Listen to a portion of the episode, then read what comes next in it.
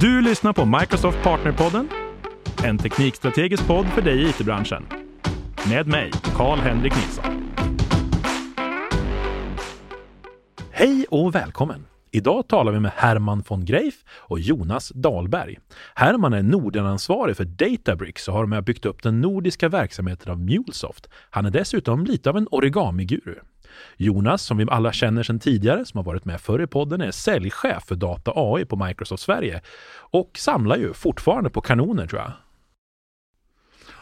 Jag tror att alla är ganska less på att jag pratar om dina kanoner, för jag har inte hört någonting om dina kanoner som du sist var med. Inte jag heller. Välkommen Herman! Tack så jättemycket. Jätteroligt att vara här. Du, Norden-ansvarig för Databricks, vad gör man då? Primärt så driver man försäljningen och försöker hålla i ordning på gruppen som är, vad är vi, nästan 60 personer i Norden idag. Jag brukar alltid säga att vi reser lätt som organisation. Vi har egentligen primärt två funktioner. Vi har en säljande del och sen så har vi en pre-sale eller lösningsarkitekt eller solution Architects del. Men det är klart, när du växer så blir du, adderar du nya funktioner eh, adderar partnerorganisationen, partnerledet, både på lösningsarkitektdelen men också i säljdelen. Så att, och även customer success och sådär. Vi är ju inspirerade av Microsoft. jag tänkte säga det, jag känner igen den här organisationsstrukturen lite Det låter bekant. Och partners, det gillar ju vi på Microsoft Partnerpodden. Så att jag tänkte att vi ska hoppa ner lite där också sen. Men jag tänkte, vi börjar från början. Jag har ju hört talas om Databricks i ganska många år nu.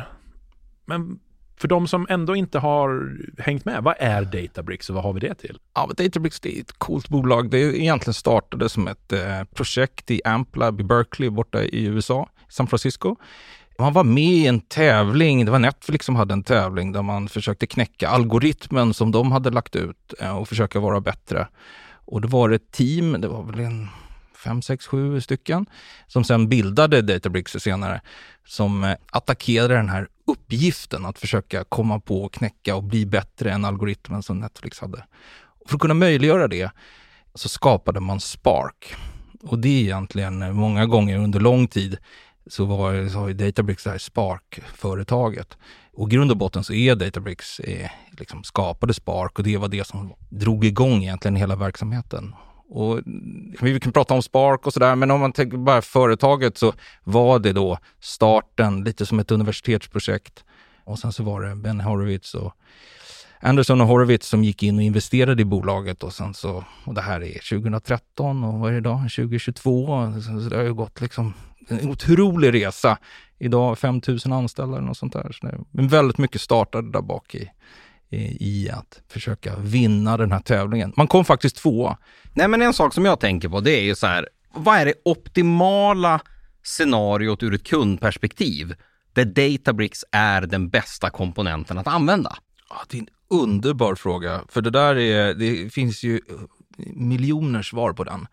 Men låt oss attackera frågan på det här sättet, att som företag så försöker man primärt adressera kanske fyra, fem utmaningar. Man har en topline-utmaning, alltså hur kan man omsätta mer?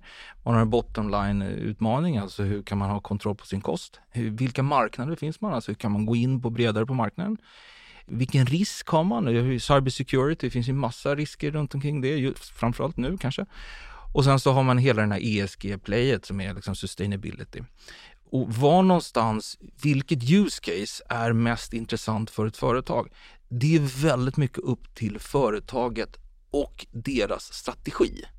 Ja men ta sådär, Volvo pratar ju vitt och brett om deras transformation i att gå till att bli mer av en servicesbolag, alltså att man har, har mer omsättning i sin eftermarknad. Sådär. Kan vi bygga lösningar till att nu är det kallt, jag behöver ha värme i bilen på ett annorlunda sätt. Kan man ha det som en subscription? Alltså, eller kan vi, jag behöver ha mer kraft i en buss eller en bil? Kan vi hitta en annan betalningslösning när det gäller när vi går på en buss till exempel? Eh, ja, då behöver man bevaka det, vilka går in och ur bussen? Var någonstans ska vi ha en optimal eh, vindkraftverk? Ja, men det är ju Vestas har ett Climate Library med alla vindar över hela året runt hela globen. Det är ju enorma mängder data som man går in då och gör analys för att kunna då sälja den datan. Så det, Eh, Rolls Royce, jag kan gå på hur länge som helst. Rolls Royce är intressant. Rolls Royce har ju på, i flygplanen så hyr de ut sina motorer. Så när ett flygplan flyger så är ju det egentligen en subscription-modell. När de, och där är det extremt viktigt att man då gör predictive maintenance när man ska bygga ut delar i de flygplansmotorerna. Även där samlar man in data, gör en analys. När ska man göra vad för att kunna hålla igång motorerna så länge som möjligt? Kan man vänta lite till så finns det enorma fördelar. Eh, och kan man proaktivt byta ut någonting så finns det också enorma fördelar. Så hela den här, var någonstans, i vilka kundcase är det bästa? Igen, det svarar igen på den här frågan som är vadet och huret. Vad, det kan vi liksom tänka ut. Hur man gör det, det är det som är det lite luriga, det är det som är det lite svåra. Eh, och här är Databricks med och ihop med Microsoft och, och ihop med våra partners försöker hjälpa företagen att göra det här på det här sättet så kommer du att få den här effekten. Och det är effekten som är det, det, det snygga. Så att man inte trasslar in sig i teknik eh, Nej, problem. Jag, jag, tycker ändå liksom att när man pratar med kundföretag så är det ju oftast just det vad fasen ska jag göra med allt det här datat som är den här, är det predictive maintenance eller är det just att hitta den där, vad ska jag göra? Om jag ska röra mig in i den här världen så måste man ha en tydlig arkitektur. Man måste ha en idé om hur man ska göra det. Det är nummer ett. Man ska teama ihop med de rätta. Det är nummer två. Och sen så måste man bygga en ordentlig liksom, tanke kring vilket projekt ska jag leda med? Hur blir jag mer datadriven som företag? Det beror ju naturligtvis alldeles på vilken verksamhet, vilken, vad man håller på med. Men det skulle ju kunna vara att inom retail så är rekommendationsmotorer det helt naturliga. Eller vilka inom, inte vet jag, telco, vilka kunder kommer att lämna oss, alltså churn prediction, vilka ska vi ringa ut och liksom ha koll på?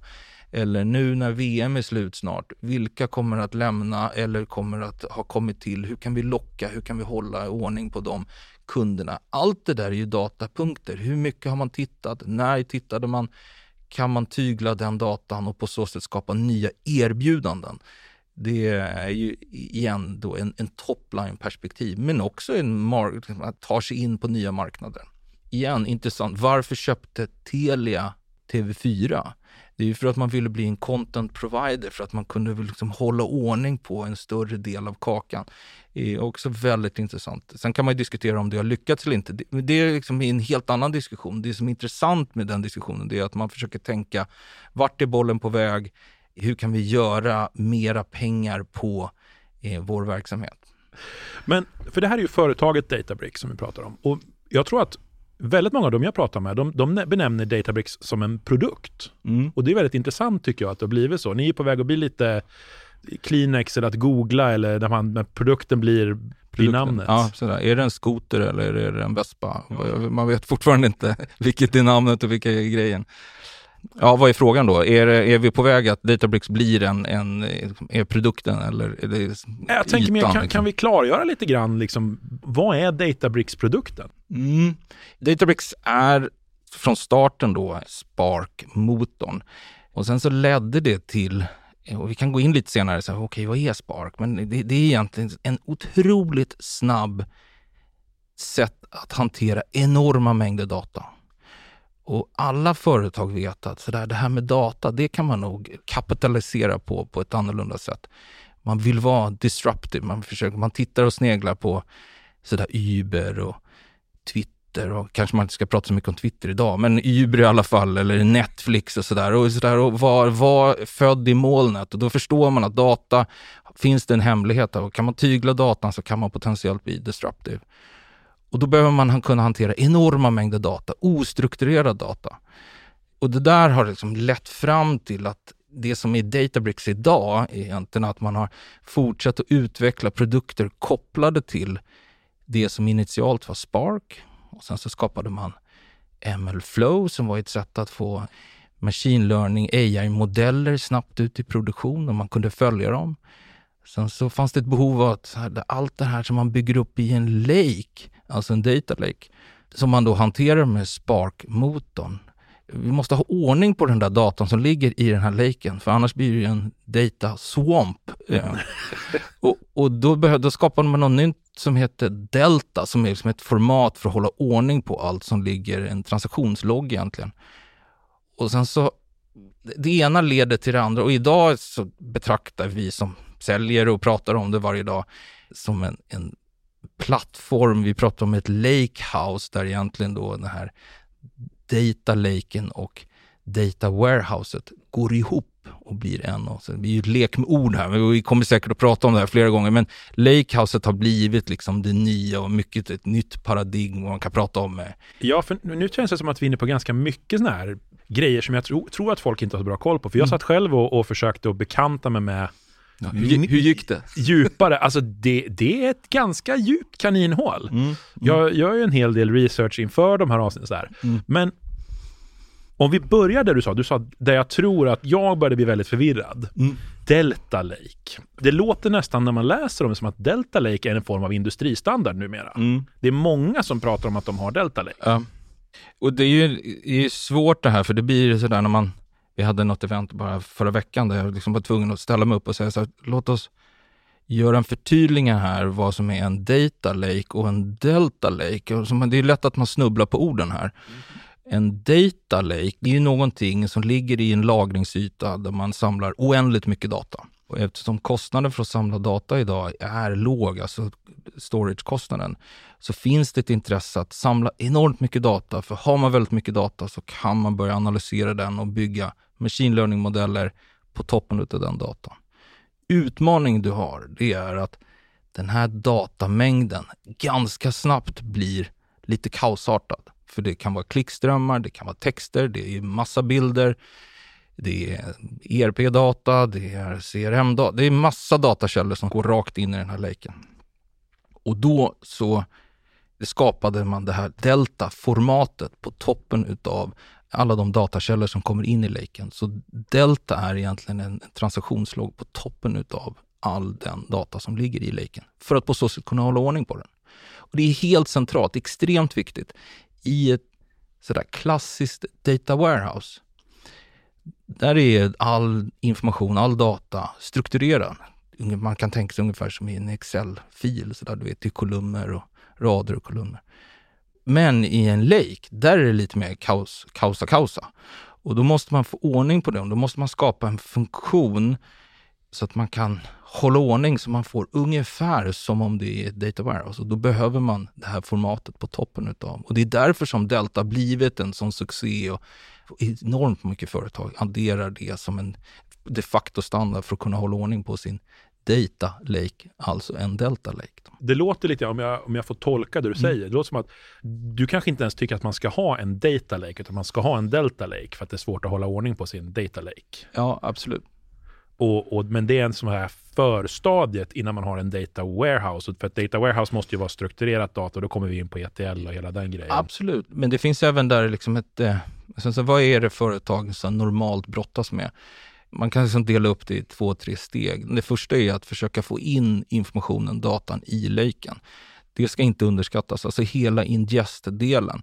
Det finns ju företag som håller på i flera år och fortfarande är det en data desert. dataöken. och vi brukar säga det, det, Du myntar mycket nya begrepp nej, men Det är här. bättre med en data swamp än en data desert. För om du har en swamp, då kan du faktiskt städa upp i den eh, med ett delta-format. Om du inte har något som ekar tomt, då är det inte så himla lyckat. Men så det, du har ett, ett, ett förstadie som är en ingest, alltså få in informationen, få in data. Och sen så när du väl har datan i laken så vill du curatorn, alltså du vill skapa struktur i, i den här laken. Vi brukar prata om en medallion architecture, alltså att man går ifrån en brons till silver till guld stadium av den här datan för att på så sätt kunna styra lite grann vilken, var ska, gör vi machine learning på? Det kanske vi gör klassiskt i silverlagret. Och vad lägger vi mer utav en kanske en Power BI direkt på laken och det kan man då göra direkt mot guldlagret. Så det är liksom att man förfinar eh, sin information eller data i sin egen lake. Då. Okej, och kan man, eh, eh, när du separerar de här olika lagren med brons, silver och guld, mm. är det någonting man gör med den här Delta Lakes? Ja, du gör det med Spark.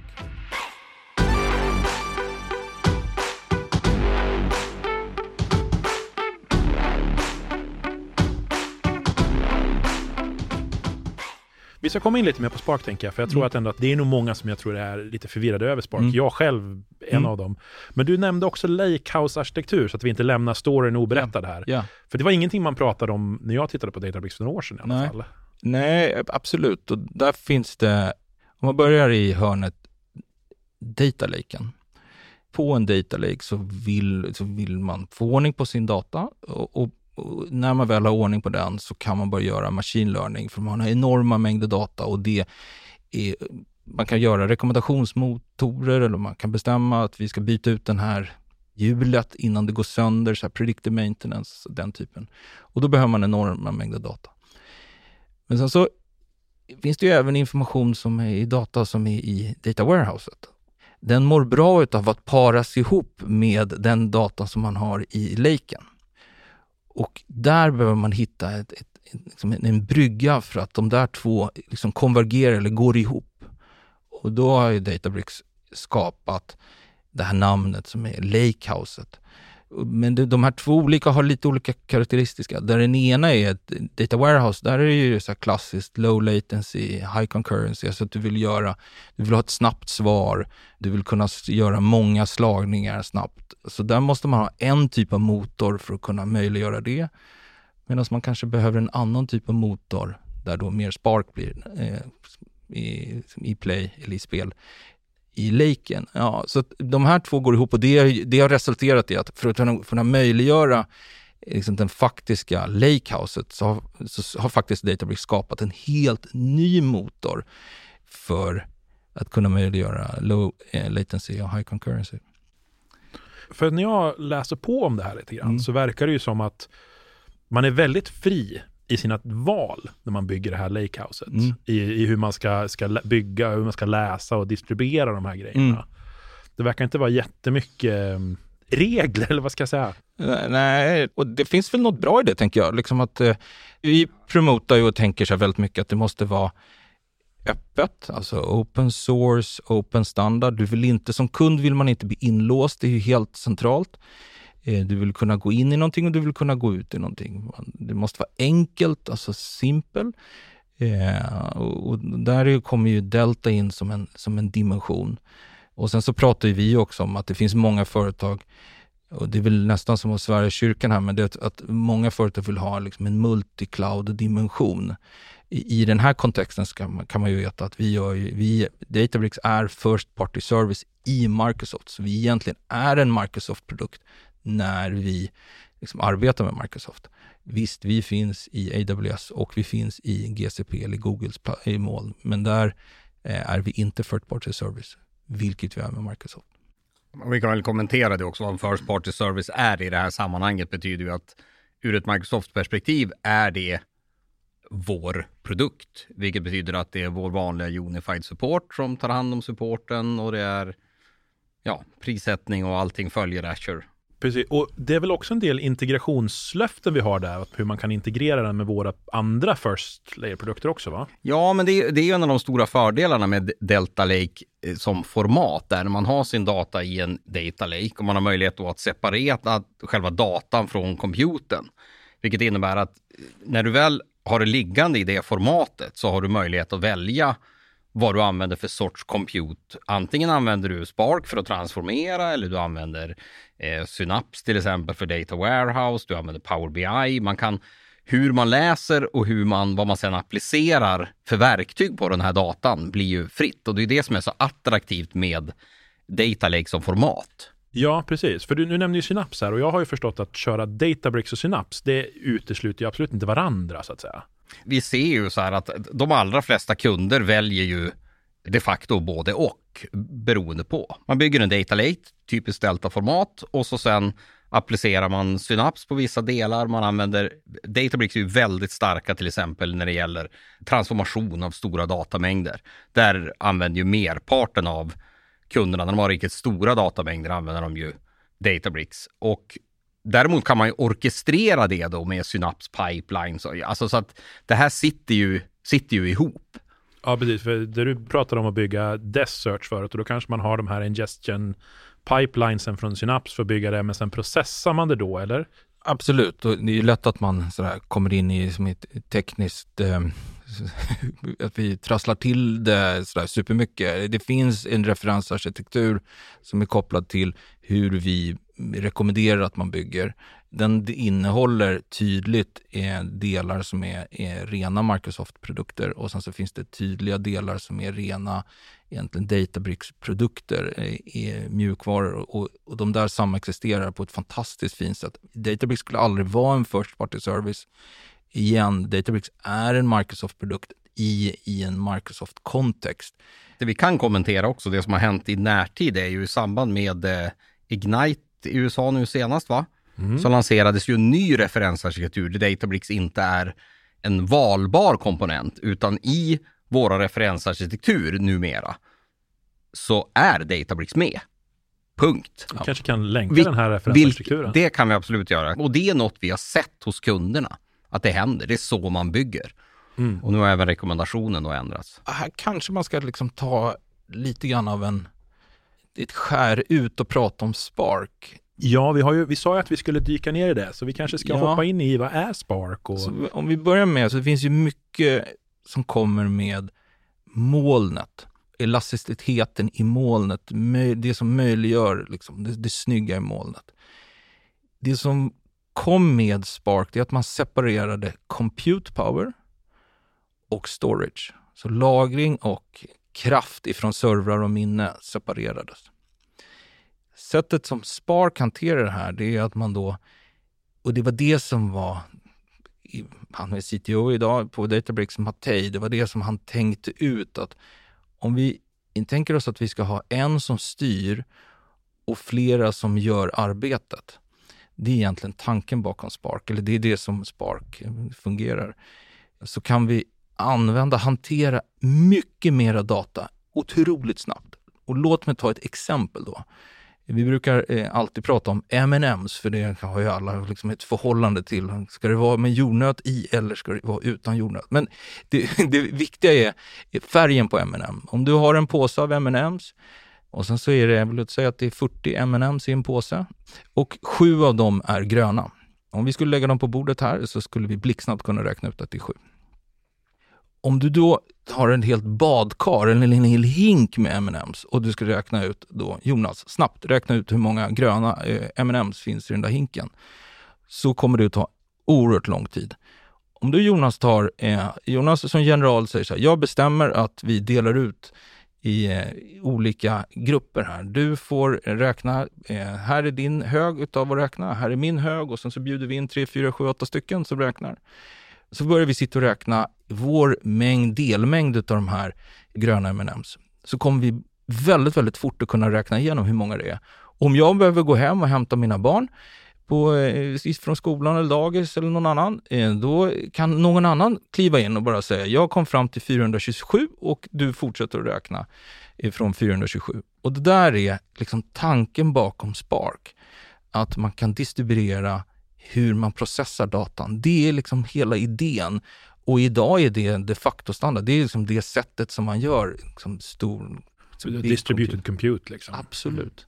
Och det är där man har kopplingen till moln också, hela möjligheten att spinna upp. Hur, hur många grupper vill du som räknare just nu? elasticiteten i, i det, hur fort behöver det gå? Det är klart att det finns en kostnadsdimension här som man måste förhålla sig till. Som alltid. Ja, absolut. Det kommer man ju aldrig undan. Men du är ju gammal SQL-räv och vi har ju hållit på med data warehouse-grejer i många, många, många år. Så att det finns ju en hel del folk som har olika typer av eh, data warehousing eller data lakes och saker on-prem. Om man vill migrera till en sån här lösning då, med de här delarna i. Mm. Har vi bra guidance för det här eller hur gör man ens en gång? Det är ju oftast otroliga mängder data man ska flytta först och främst, vilket ju brukar vara en, en utmaning jag tror, så här, hur rätar man en elefant? Man piece, piece by piece. Alltså jag tror att som alltid så måste man ha liksom en spelidé.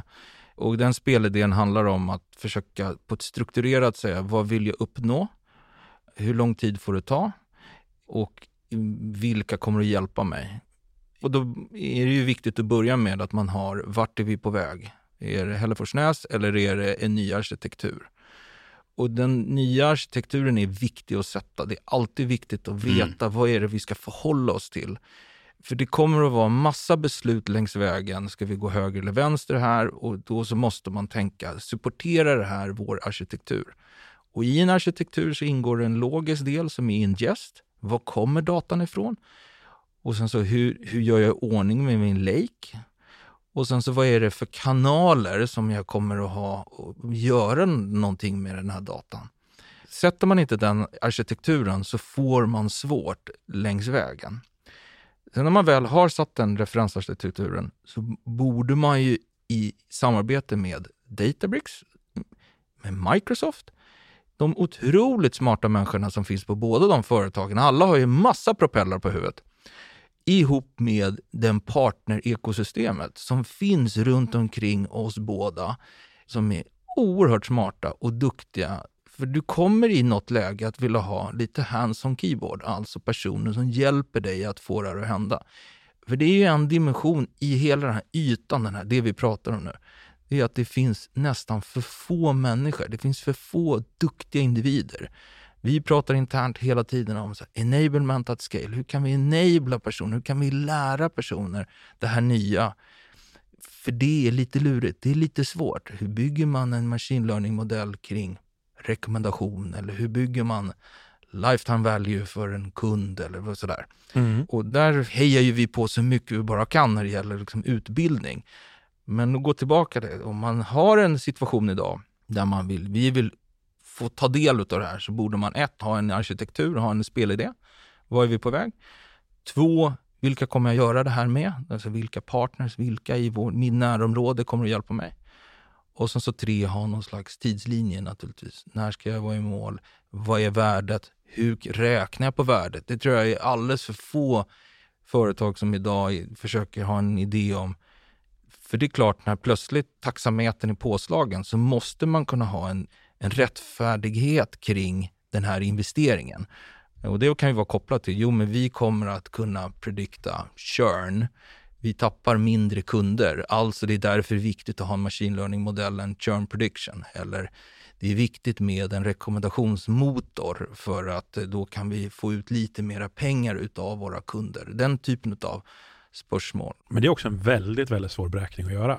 Jag har sett många som har försökt och misslyckats. Absolut. Och just för att det är svårt så har Databricks skapat ett helt kartotek utav Solution Accelerators. Och det är egentligen en notebook, alltså det är en färdig modell som man kan tanka ner. Vi tillhandahåller den. Det är bara att söka på Databricks så kan man hitta Solution Accelerator skriver man och så, så finns de där.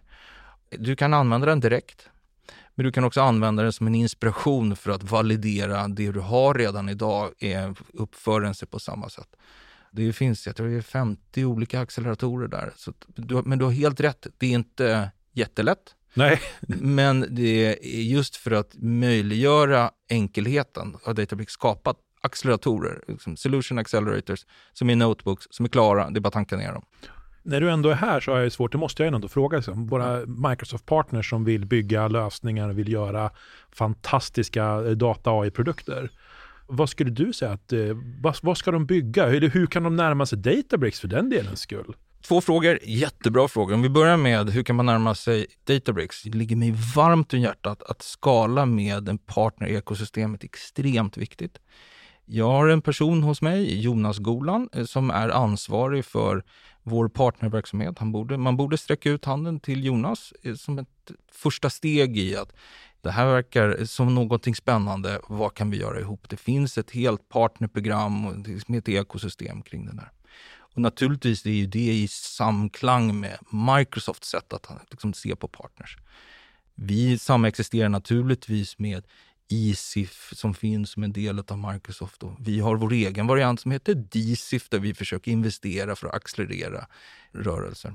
Och din andra fråga, vad var den? Jo, men alltså våra partners bygger ju lösningar. Ja, och då kallar vi det för Brick Builders. Hur coolt är inte det? Databricks. Det låter vi... lite Minecraft över alltihop. exakt. Brick Builders, och det är ju som, då har vi lösningar. Så man kan faktiskt eh, skapa lösningar, precis som de här Solution Accelerators, alltså notebooks. Och så kan man faktiskt publicera dem. Så om man söker på en, en sån här Solution Accelerator på Databricks så, och så tittar man lite sådär, om man går igenom de här 50 olika, så kommer man faktiskt att se att så här, ah, den här har Infosys gjort och den här har Capgemini gjort. Så att man kan faktiskt redan nu se vilka de här lösningarna som någon annan har gjort som Databricks har publicerat. Så att eh, vi letar alltid med ljus och lykta efter brick builders. Vi ska ta runda av här, men om vi avslutar med det också då. Vad är det för någonting ni gärna ser att de utvecklar för någonting? Är det någonting som saknas på marknaden enligt dig just nu? Ja, och det är människor, alltså kompetenta individer. Det är inte alltså, bara så att vi sätter saker och ting i perspektiv här. Alla företagsledare, alla som arbetar oberoende, man behöver inte arbeta med IT. Alla har en förståelse idag. Man kan nog göra mer med data. Det är givet att man kan göra något mer med data. Man vet att det är någon annan som försöker äta sin lunch just nu. Alltså man försöker bygga en lösning som kommer att äta på din lunch. Och, så att man vet vad, men man vet inte hur. Och det är huret som vi försöker hjälpa till med när det gäller de här Solution Accelerators. Det är huret vi försöker hjälpa till när vi bygger en referensarkitektur för det kommer att gå fortare. Det är huret vi försöker göra när vi bygger ett ekosystem med partners för att det finns en brist på individer som kan hjälpa till med huret. Att vi tre bygger, liksom ritar två, tre, fyra whiteboards med roliga idéer, det skulle vi kunna göra blixtsnabbt. Men hur implementera det, det är lite lurigare och svårare. Om man ska göra någonting sådär så ska man fokusera på huret, alltså hjälpa företagen att komma i mål med sina lösningar. Där kan man väl också komplettera och säga att i och med att Databricks är en del av vår officiella referensarkitektur så är ju jag i egenskap av Microsoft chef också väldigt intresserad av att våra partners på data AI-sidan också lär sig Databricks-delarna. Många av dem kan det redan, vissa andra inte. Det fanns ju en del moduler såg jag på vad heter Microsoft Learn kring Databricks. Absolut, alltså det finns på Microsoft Learn och sen så finns det Databricks Academy. Det här är det saker och ting som partner så kan man, har man fri tillgång till det här. Så det är, och vi försöker du kan, på Youtube finns det massa In saker. In och plugga, det är, det, det är egentligen budskapet. Ja, faktiskt. Man ska vara, liksom. Det bästa sättet att vaccinera dig själv från körn, alltså att du inte har ett jobb, det är faktiskt att plugga. Eh, jag brukar alltid säga så här, hur slipar du din kniv? Bästa sättet att bli smart, det är att plåga huvudet. Läs, läs, läs. Försök hela tiden bli lite, lite smartare varje dag. Alla när jag rekryterar eh, nickar på huvudet och säger så där är precis, du pratar exakt med rätt person. Men det är faktiskt väldigt, väldigt få som faktiskt hela tiden försöker flytta fram sina egna positioner i huvudet. Intressant. Vi försöker lägga med lite länkar till lite learn, bra learn-material också. Hörni mina herrar, jättestort tack för att ni kom och pratade med lite Databricks och, och Data AI med mig idag. Tack så jättemycket för att vi fick komma. Tack så mycket. Du har lyssnat på Microsoft Partnerpodden med mig, Karl-Henrik Nilsson. Som vanligt hittar du information och resurser på aka.ms partnerpodden.